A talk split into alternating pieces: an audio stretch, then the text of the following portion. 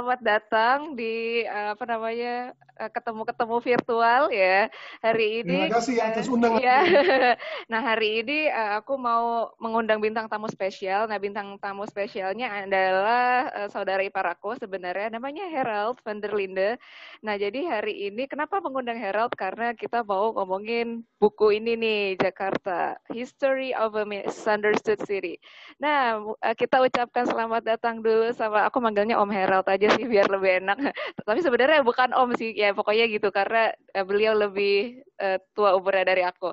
Nah, jadi uh, mungkin uh, Om bisa dijelasin dulu kenapa sih apa sih namanya mau nulis tentang buku Jakarta nih kan padahal apa sih namanya Jakarta buat banyak orang kayak ih apaan sih kota yang satu itu kayak kumuh gimana gitu terlalu keramaian bahkan sekarang konon katanya mau dipindahkan ibu kotanya terus kenapa Jakarta? Kamu panggil saya Mas Heri aja ya. Oh iya boleh. Saya pakai om-om. Terus yeah. saya minta mohon maaf ya, saya yeah. cuma di bahasa Indonesia, tapi yeah. bisa aja saya ada kata-kata yang salah. Yeah. So, saya minta yeah. uh, maaf sebelumnya. Yeah, tapi kenapa apa -apa. tulis buku ini? Se sebenarnya dulu saya lama tinggal di Jakarta. Hmm. Dan hmm. sampai sekarang masih sering pulang ke Jakarta juga. Hmm. Uh, dengan corona ini sedikit lebih susah. Tapi uh, uh, setahun beberapa kali, mungkin lima kali saya ke sana. Hmm. Um, Terus saya punya pengalaman yang sangat spesial tapi juga sangat enak di mm-hmm. Jakarta. Saya suka kota Jakarta. Mm-hmm. dan kalau saya bicara dengan orang di, misalnya saya punya orang di kantor saya, mm-hmm. mereka ke Jakarta juga, mereka selalu mm-hmm. bilang, wah ini tuh eh, panas, terus mm-hmm. macet, susah ke mana-mana, terus mm-hmm. mau hiburannya di mana-mana. so mereka pengalamannya sangat lain daripada mm-hmm. yang saya punya. Saya suka karena saya tinggal dengan keluarga, terus mm-hmm. kita tinggal di, di ya seperti kampung kecil ya, ada jalan-jalan mm. kecil. Di sana orang punya warung, toko, uh, orang yang sangat ramah, uh, sangat berhidup dan mm. itu mereka tidak lihat di Jakarta. So salah satu alasan saya mau tulis buku ini karena saya mau buka mata mereka untuk kota Jakarta. Jangan hanya lihat kalau kamu buat bisnis ke sana untuk ya lihat itu ada macetnya atau kamu cuma di hotel berbintang lima hmm. Eh, dan lihat dari jauh-jauh. Keduanya ada alasan yang lain lagi. Saya pernah punya opa, dia sudah lama meninggal. Hmm. Uh, saya punya opa dan dia bilang bahwa dulu kita punya keluarga yang tinggal di Batavia. Tapi hmm. kita sendiri tidak punya bukti. Saya hmm. pernah mungkin 20 tahun lebih yang lalu ke Museum Nasional. Mm -hmm. Tanya di sana, di mana saya cari? Mereka bilang, ya kita juga tidak tahu. Saya pikir, bagaimana ya? Akhirnya itu mungkin tiga tahun yang lalu saya ke Arsip Nasional mm-hmm. di Jakarta Selatan.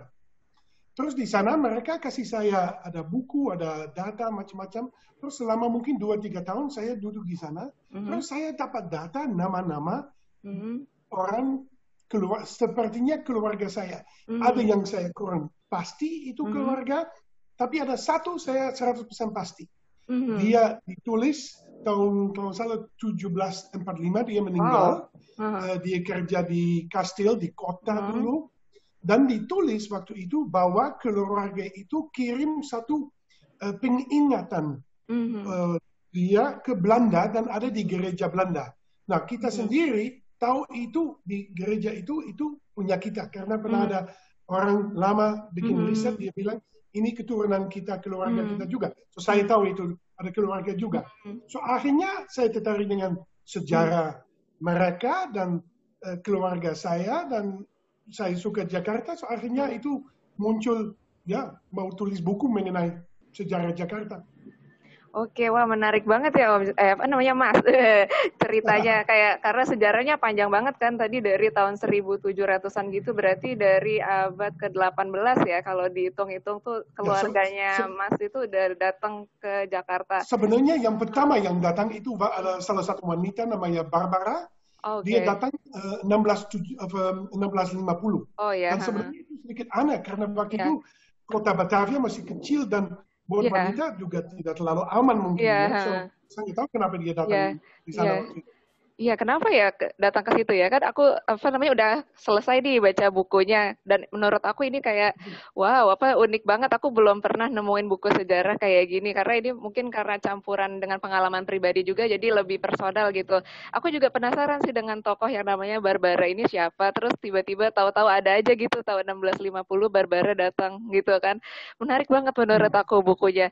Nah, terus karena dari tadi kita ngomongin apa sih namanya eh, sejarah Jakarta Tempo dulu mungkin bisa diceritain Mas kenapa apa namanya tentang pengenalan sedikit kayak buku ini tentang apa sih yang Jakarta yeah. History of a Misunderstood City. Ya, yeah. so saya mau tulis buku mengenai sejarah Jakarta mm -hmm. tapi tidak begini akademis. So mm -hmm. semuanya yang ditulis itu berdasar fakta-fakta yang saya mm -hmm. cari di buku, buku di Belanda, saya ke toko buku di Belanda, uh, ke universitas di Belanda, tapi juga di Indonesia ke arsip um, mm -hmm. ke mana-mana. So itu semuanya berdasar fakta, tapi saya tulis bukan mau tulis buku mengenai uh, ya jalan Tamrin dibikin hmm. tahun begini-beginian. Saya hmm. mau bikin setiap bab mengenai salah satu orang dan kehidupan mereka bagaimana. Hmm. So pada awalnya saya tahu ada keluarga saya sendiri, tapi sebenarnya Indonesia, Jakarta, Jayakarta uh, mulai jauh sebelum Belanda datang. Um, ada uh, hari ulang tahun hmm Jakarta tersendiri itu mm-hmm. hampir 500 tahun nanti yeah, lagi. betul. Itu dari waktu Fatahila, zaman mm-hmm. Fatahila, tapi sebelumnya itu juga sudah ada kota namanya Kelapa. Yeah, Dan betul. salah satu orang yang mulai tulis mengenai itu mm-hmm. itu satu orang Sunda. Mm-hmm. Dia jalan kaki di mana-mana di, yeah. di Jawa, akhirnya kembali pakai kapal lewat uh, uh, Kelapa waktu itu, mm-hmm. dan dia juga muncul di Ancol, so mm-hmm. Ancol waktu itu sudah ada. Mm-hmm uh, terus dia jalan kaki ke Pakuan itu sekarang Bogor ya. Mm-hmm. So ada cerita itu. So setiap zaman saya cari satu satu orang yang mm-hmm. yang tinggal di kota itu. So mm-hmm. ada pernah orang namanya Pecat Kulit. Mm-hmm. Dia orang Thai Jerman datang ke Batavia mm-hmm. mau melawan Belanda. Akhirnya dia ditangkap dan akhir hidupnya sedikit kurang enak. Nanti kamu bisa baca hmm, buku yeah. siksa macam-macam itu. Uh. Um, ada juga satu orang yang jual jam. Saya hmm. cuma tahu itu orangnya dia punya apa namanya dia punya hmm. advertisement di orang Belanda ah, dulu. Yeah. Tapi dengan itu kita bisa lihat dia bisnisnya merubah karena hmm. waktu itu kota Batavia juga mulai merubah. Hmm. Ada satu cerita mengenai si Pitung orang yeah. Betawi yang hmm. yang um, polisi Belanda mm-hmm. coba cari dia mungkin 20 tahun itu. Mm-hmm. Mereka coba tangkap dia, pernah dia di masuk ke penjara tapi mm-hmm. dia bisa keluar lagi. Mm-hmm. Um, uh, susah ditangkap dia karena dia yeah. orangnya agak pintar. Yeah. Akhirnya dia di, di, di, ditangkap dan ditembak dan waktu dia mau mm-hmm. sudah tahu dia akan meninggal di, ditembak ya. Mm-hmm. Polisi tangkap dia, mereka tanya sama dia, kamu masih mau makan apa? Dan dia bilang dia mau makan kalau salah um, es kelapa. Eh, hmm, pakai ya, ya. ya oh, unik ya. Berapa cerita orang dan yang kita lihat dan dari itu kita lihat bagaimana perkembangan kota Jakarta itu. Wah, iya menarik banget ternyata ya. Maksudnya ternyata wah buku ini tuh benar-benar kayak gitu ceritanya karena dari sudut pandang uh, tokoh itu kan masing-masing.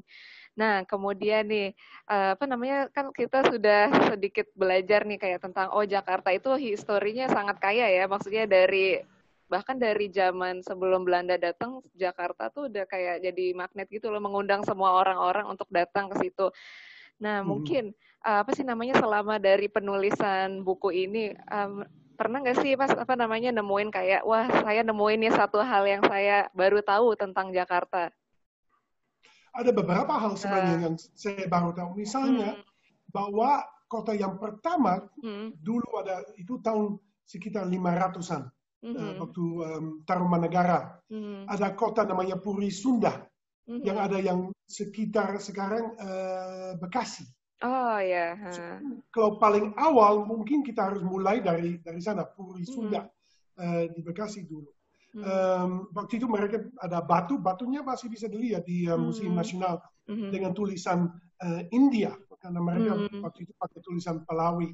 Mm-hmm. Um, so itu sedikit tertarik. So sebenarnya Jakarta itu kota yang punya sejarah hmm. bisa dibilang hampir 2000 tahun itu. Wow, oke. Okay. Udah um, lama banget ya. Ya, hmm. ya, ya. Terus ada beberapa yang cerita yang lain juga itu um, uh, yang saya bilang pecat kulit, mm -hmm. tapi satu cerita yang saya sendiri suka, suka mm -hmm. saya dapat cerita mengenai satu orang wanita dia mm -hmm. datang di Batavia sekitar mm -hmm. 16 uh, 80-an, mm -hmm. 20-an, mm -hmm. 1620. So Batavia itu baru mereka bangun kotanya, ada mm-hmm. kanal-kanal mereka mm. bikin karena sudah mulai banjir waktu itu. Mm. Dia punya bisnis. Mm. Nah waktu itu Mataram, kerajaan mm. Mataram mau melawan Belanda karena mm. mereka tidak mau Belanda punya kotanya mm. sendiri di sana. Mm. So, ada dua kali ada perang mm. tahun uh, 1628, 1629. Mm. Um, dan dia punya bisnis uh, kebunan, semuanya mm. hancur. No, mm. so dia hampir bangkrut. Mm-hmm. Uh, akhirnya suaminya meninggal, so dia mm. punya kehidupan yang lumayan berat. Mm. Uh, dia bikin bisnis lagi, uh, mm. lagi untuk bikin seperti tuak, uh, seperti otak mm. arak, yeah. mm. tuak dengan sailor pelayannya waktu mm. itu. Dan itu dia punya uang, mm. rumah lagi, mm. dan lagi. Uh, dan dia mau pulang ke Belanda akhirnya, mm. tapi dilarang sama Belanda, mm. tidak boleh. Gereja tidak mau. Terus waktu itu mereka tidak mau wanita lari ke Belanda uh. lagi. Ada kekurangan wanita sedikit. So itu salah satu cerita yang tertarik, tapi juga ada ada yang lain. Saya sudah bilang pecat kulit, ada mm. si pitung, mm. um, dan mungkin abad kemarin ada uh, cerita mengenai tamrin itu mm. terkenal, dan ada beberapa orang yang saya interview yang uh, mm. salah satunya baru meninggal sebenarnya, tapi mm. ada tiga bapak mm. yang datang di Jakarta sekitar tahun mm. Uh, 1950-an, so tinggal wow. lama di Jakarta. Mm. Mereka lihat sejarah ya itu masih sejarah yang jati mm -hmm. ya yang mm-hmm. kamu bisa bicara dengan yeah. orang yang, yang pengalaman mm -hmm. di Jakarta mm -hmm. itu juga sangat tertarik buat saya. Mm -hmm. Wah, oke. Ternyata banyak banget ya hal yang kayak menarik gitu tentang Jakarta yang di buku sejarah itu tuh kayaknya nggak ada deh maksudnya yang nyeritain tentang hal kayak gitu dan itu detail.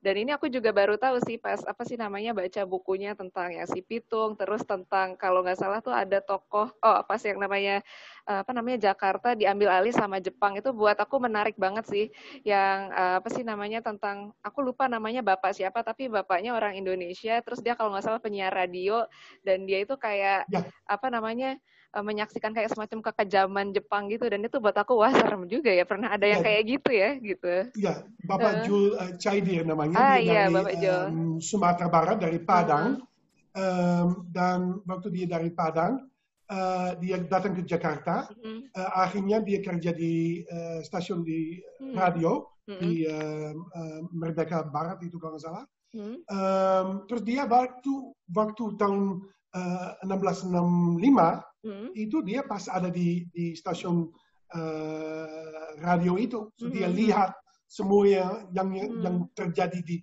di kota Jakarta itu waktu ada pergantian ada uh, gerakan 30S macam-macam begitu banyak. So hmm. ya itu enak kalau dibicara dengan orang itu yang yeah. langsung dari mulutnya ya. So yeah. ada beberapa interview yang yang menarik.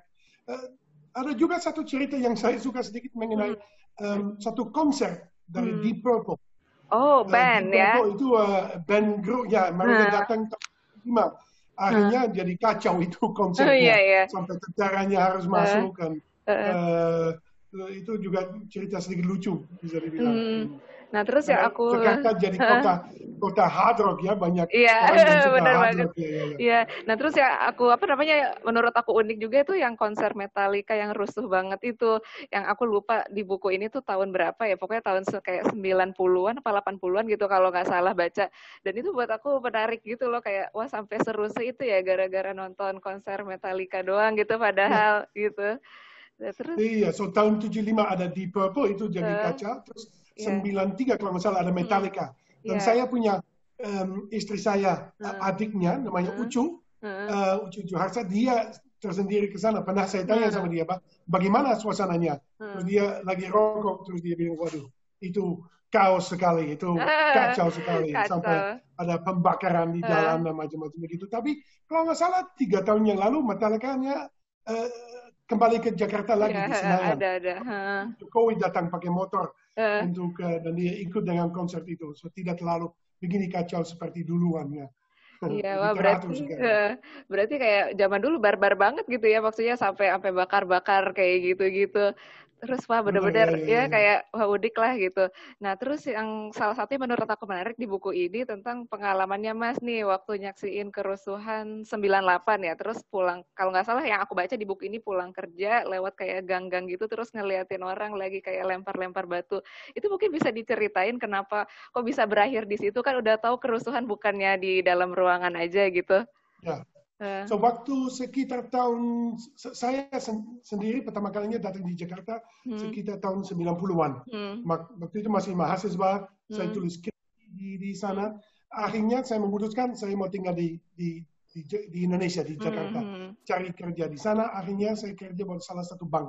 Hmm. Uh, banknya di Disma GKBI. Hmm. Nah tahun 98 itu ada berontakan, ada ada di ada demo-demo, hmm. Krismon, demo-demo di jalan.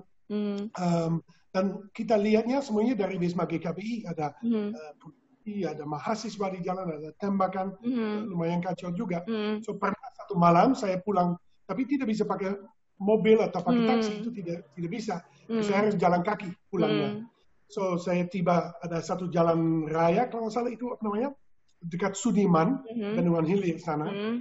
Um, terus uh, saya muncul keluar, Terus ada mahasiswa pakai hmm. batu-batu mereka mau hmm. lempar ke polisi, ada kacau, terus hmm. bisa bahaya ya. Hmm. Um, terus ada satu orang pakai batu, dia hmm. datang ke saya, bilang kamu mau apa di sini? Saya bilang wah saya mau pulang ke rumah ini bang. Dia bilang wah ini bahaya nanti di sini, kamu hmm. jangan ke sini. Lebih bagus kamu jalan begini-begini aja. Hmm. So uh, lucu juga itu. Uh. Tapi ya uh, mereka sangat ramah bilang kamu jangan di sini, uh. bahaya di sini. Iya. Dan ini buat saya, saya dulu datang di Jakarta tahun 90-an hmm. dan ketemu sama salah satu, salah satu keluarga yang tinggal di Pasar Minggu. Hmm. Saya boleh tinggal sama mereka dan ini khasnya orang Indonesia. Orang Indonesia hmm. sangat ramah tamah dan terbuka hmm. dengan orang yang lain. Hmm. So, boleh tinggal di rumahnya. Akhirnya mereka tidak bisa bahasa Inggris, so saya hmm. terpaksa harus belajar bahasa Indonesia. Hmm. Um, dan dan itu akhirnya jadi pengalaman yang sangat khas buat saya. Uh, saya lihat kehidupannya di kampung-kampung sana, sore-sore ada orang tukang sate, ketok-ketok, mm-hmm. uh, ada yang uh, nasi goreng, kamu uh, tahu sendiri. Iya, ya? tahu. Uh. Ya, dan itu Jakarta yang akhirnya saya lihat dan saya mengalami. Dan kalau saya bicara dengan orang kantor saya yang mm. dari Hong Kong, Singapura, berbisnis ke Jakarta, ya mm. itulah mereka tidak hmm. lihat, mereka tidak bisa mengalami. Hmm. Mereka cuma lihat itu macetnya. Hmm. Dan buku ini saya berharap mereka hmm. matanya lebih terbuka mengenai ah, ya. uh, di, di Jakarta. Iya. Unik ya gitu kan maksudnya di kota-kota lain kayaknya di kota-kota besar yang lain di dunia tuh kayak jarang kan yang kayak di Jakarta ada abang sate lewat, ada tukang apa lewat gitu kan dan um, kayak deket banget gitu kan sama kita semua gitu kayak ya kayak apa sih gado-gado gitu ya kayak seperti yang ditulis di buku ya, ini. itu uh, ini kota Jakarta bisa dibilang itu gado-gado. Uh, banyak macam-macam yang campuran. Yeah. campurannya sendiri itu mm -hmm. bikin gado-gado menarik, enak mm -hmm. ya. Ada tahu, ada sayur, ada yeah, bener um, banget kaos berjalan. Dan hmm. kalau kamu malam-malam keluar di Jakarta ada hmm. uh, di sini bisa makan rendang, di sana ada gulai Jogja, hmm. di sini ada coto Makassar, ada hmm. ma makanannya dari mana-mana ya. Itu hmm. um, sangat lively, sangat iya, hidup. Ya, ya, eh, sangat menarik. Iya, betul banget. Oke, terus aku mau nanya satu pertanyaan nih terkait banjir Jakarta. Kan tadi kita sempat singgung ya dari zaman kolonial dulu Jakarta itu udah terhantui dengan masalah banjir. Nah, kira-kira menurut Mas sendiri gimana sih tentang kayak banjir Jakarta dan kemudian kan kalau nggak kalau nggak salah baca nih uh, aku uh, pemerintah DKI Jakarta itu kan kayak apa menggadang-gadang berbagai solusi tapi akhirnya nggak berhasil sampai akhirnya pemerintah pusat itu turun tangan dan akhirnya memutuskan oke okay, ibu kotanya mau dipindah nih ke Kalimantan karena urusan banjirnya nggak selesai-selesai. Hmm. Nah gimana sih kira-kira uh, masalah Jakarta apa maksudnya uh, masa depan Jakarta gitu dengan adanya ide untuk uh, memindahkan ibu kota seperti itu kan padahal dari dulu Jakarta itu kayak udah magnet kan dari dulu magnet kayak ya. ala-ala ibu kota gitu di Indonesia gitu kira-kira nah, gimana? Hmm. Banjir itu dari sebelum dat Belanda datang itu sudah ada hmm. masalah yeah. karena Kelapa atau Jayakarta pas ada di laut terus ya hmm. ada gunungnya di Bogor so kalau hmm. hujan uh, airnya mengalir ke laut lewat Jakarta so dari dulu itu sudah ada masalah Mm-hmm. Um, ada cerita dari orang Portugal yang datang mm-hmm. di Kelapa sekitar tahun 1522-an. Uh, dia sudah tulis itu mm-hmm. kadang-kadang bisa banjir. Mm-hmm. Waktu Belanda datang, mereka juga ada susah mereka bikin mm-hmm. kota sendiri dan seperti di Amsterdam mereka pakai, pakai kanal, pakai mm-hmm. banyak gracht di bahasa Belanda, tapi mm-hmm. kanal untuk mengalir. Uh, tapi waktu itu sudah susah, ada juga masalah banjir. Mm-hmm. Um, 100 tahun kemudian ada banyak banjir, um, uh, uh, airnya tidak mengalir, so ada mm-hmm. banyak nyamuk datang, mm-hmm. orang Belanda banyak yang sakit akhirnya mm-hmm. karena mereka tidak minum airnya. So itu jadi kacau juga. Sampai hmm. sekarang kita tahu setiap tahun ada masalah banjir juga. Hmm. Nah, buku ini tidak punya uh, solusi hmm. yang bisa dibilang ini harus dilakukan. Hmm. Tapi ada beberapa ide yang mungkin di, harus dipikirkan. Uh, hmm. Salah satunya kalau ada banyak kanal, kamu bisa hmm. mengalir airnya hmm. seperti dulu. So, hmm. Mungkin harus dibikin kanal. Nah itu gampang untuk dibilang sama hmm. saya. Ini yeah. mahal mau dibikin uh masalah buat pejabat, buat uh-huh, orang betul. yang ahli ya, yeah. engineering. Hmm. Um, juga ada satu ide yang saya sangat suka dari uh, satu arsitek dan hmm. gubernur um, Jakarta Barat, uh, namanya recehan. Hmm. Recehan itu um, um, um, uang kecil ya, um, koin-koin kecil hmm. uh, yang kalau dikumpul lama-lama kamu bisa jadi kaya juga. Hmm. Nah, dia bilang mungkin perubahan di Jakarta harus seperti recehan. Mm-hmm. Setiap um, kampung kecil atau rumah bikin be beberapa perubahan, misalnya mm-hmm. um, uh, jalannya bersih atau mm-hmm. kalau ada uh, ada seperti uh, air dekat, uh, ya mohon jangan masuknya plastik ke dalam yeah, macam-macam. Yeah, yeah. Kalau semua orang melakukan itu, itu mungkin banyak masalah sudah bisa di, di, bisa diatasi. Hmm. Um, itu juga ide yang bagus dan khasnya orang Indonesia dan di Jakarta juga mereka hidup bersama ya gotong hmm. royong saling hmm. bantu itu um, mungkin juga bisa dipakai untuk biar kampungnya sendiri hmm. tidak di ya plastiknya tidak dibuang ke mana-mana hmm. atau pohon di, di, hmm. di, ditambahin pohon biar hmm. uh, suasananya jadi sedikit lebih cool lebih hmm. lebih dingin. Hmm. Oke, okay, wow ya itu sebenarnya itu sih apa namanya harus butuh kesadaran juga ya dari apa uh, masyarakat Jakartanya karena kan ini kota bersama gitu kan harus dipelihara ya. bersama juga. Nah terus ya. gimana sih tanggapannya dengan adanya wacana Jakarta itu mau dipindahin ke Kalimantan kan Jakarta ini posisinya sekarang ibu kota. Hmm. Nah terus apakah kira-kira itu akan merubah sejarah Jakarta gitu dengan ibu kota itu dipindahin kan semua center di sini nih di Jakarta. Hmm. Ya, saya hmm. kira Jakarta tidak akan merubah banyak. Karena hmm. kalau kita kota yang lain, misalnya Jayapura di Malaysia atau hmm. di Brasil juga, mereka bikin kota yang lain untuk sebenarnya untuk membantu perkembangan hmm. kota, ibu kotanya tersendiri. Dan saya kira di Indonesia sama sama juga. Walaupun ibu kotanya mungkin dipindahin ke Kalimantan, hmm um, itu berarti mungkin ada bisnis, ada sedikit hmm. pejabat yang nanti ke Kalimantan juga. Nah itu bagus buat wilayahnya hmm. di Kalimantan sana. Hmm. Tapi Jakarta tersendiri itu tidak bisa dipindahin. Hmm. Uh, 20 juta orang tidak bisa pindah ke hmm, sana. Hmm, betul. Tidak bisa. Hmm. Itu karena Jakarta, Batavia, Jayakarta dari dulu sudah hmm. seperti kamu tadi hmm. bilang magnet. Hmm. Orang mau ke sana cari kerja. Hmm. Kalau kamu di mana-mana, orang selalu pindah ke Jakarta untuk cari mm. kerja. Jadi uh, karena gajinya lebih tinggi mungkin atau mm. kesempatan dapat kerja lebih lebih bagus. Mm-hmm. Kalau ada kesempatan cari kerja di tempat lain di Indonesia, di Jawa, lalu misalnya di, di Kalimantan, ya mungkin tidak begitu banyak orang pindah ke Jakarta, tapi pindah ke tempat lain juga. Mm-hmm. Dan saya kira kita sudah mulai lihat itu karena mm. sekarang naik kereta ke Cirebon atau ke mm. Surabaya, ke Jogja lebih cepat Jogja hmm. baru kemarin buka uh, yeah. um, uh, lapangan terbang yang yang baru hmm. ya. So fasilitas untuk travel di Jawa atau di Indonesia uh, makin lama makin bagus. Ada jalan hmm. tol di mana-mana, Trans Sumatera, dan mungkin bisnis juga bisa pindah dari Jakarta ke tempat lain. Itu hmm. belum tidak berarti bahwa Jakarta akan menurun. So, hmm. Tambahan Jakarta growth-nya mungkin tidak begitu cepat. Hmm. Magnetnya tidak begini kuat karena Semoga nanti ada beberapa mm. magnet yang lain juga di Cirebon, di Jogja, mm. di hmm. Kalimantan, di Sumatera atau di mana-mana di Indonesia. Ya, aku sih berharap juga begitu ya, biar kayak apa namanya ekonominya juga nggak terpusat di Jakarta aja, karena selama ini kan Jakarta tuh kayak sentralisasi gitu kan, dan daerah-daerah lain di Indonesia itu kayak kurang berkembang karena semua orang lari ke Jakarta. Dan aku setuju banget dengan ide yang tadi itu, di mana harus uh, des ada desentralisasi gitu ya, kayak harus disebar gitu. Nah, terus terakhir nih kesan pesannya untuk kota Jakarta apa? pesan uh, future-nya Jakarta Jakarta. Ya. Yeah.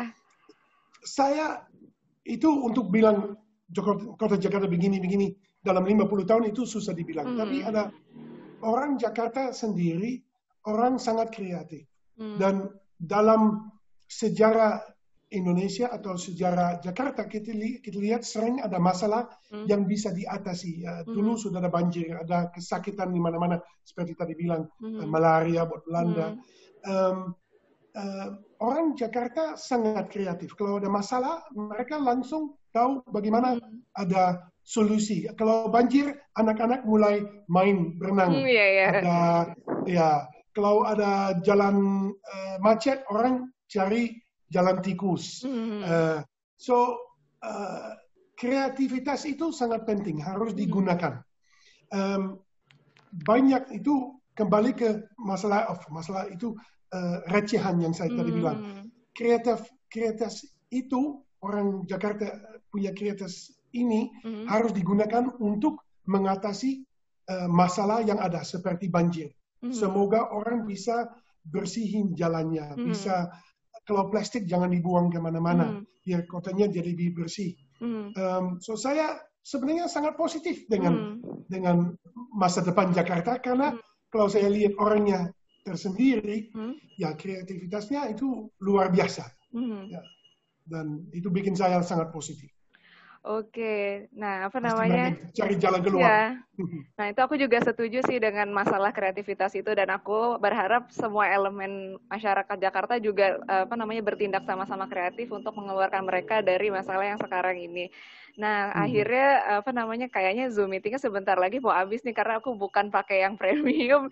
jadi jadi iya, kayak iya, sebentar iya. lagi mau habis. Ya, tapi sebelumnya sebelum selesai aku mau mengucapkan terima kasih banyak karena udah mau ngobrol-ngobrol bareng tentang ngebahas bukunya ini. Ini bukunya bagus banget ya. Ntar ya, mungkin aku bakal sudah bikin, bisa dibeli di ya. di Peri Plus. Ya, Nah, ntar aku mungkin akan bikin video tentang book review tentang ini tersendiri, tapi mungkin nanti.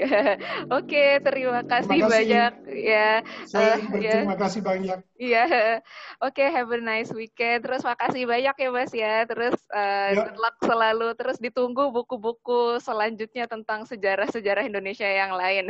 Insyaallah. Nanti ada yeah. rencana ada beberapa buku yang lain lagi. Terima okay. kasih ya Mbak. Iya, terima kasih. Selamat siang. Bye. Bye.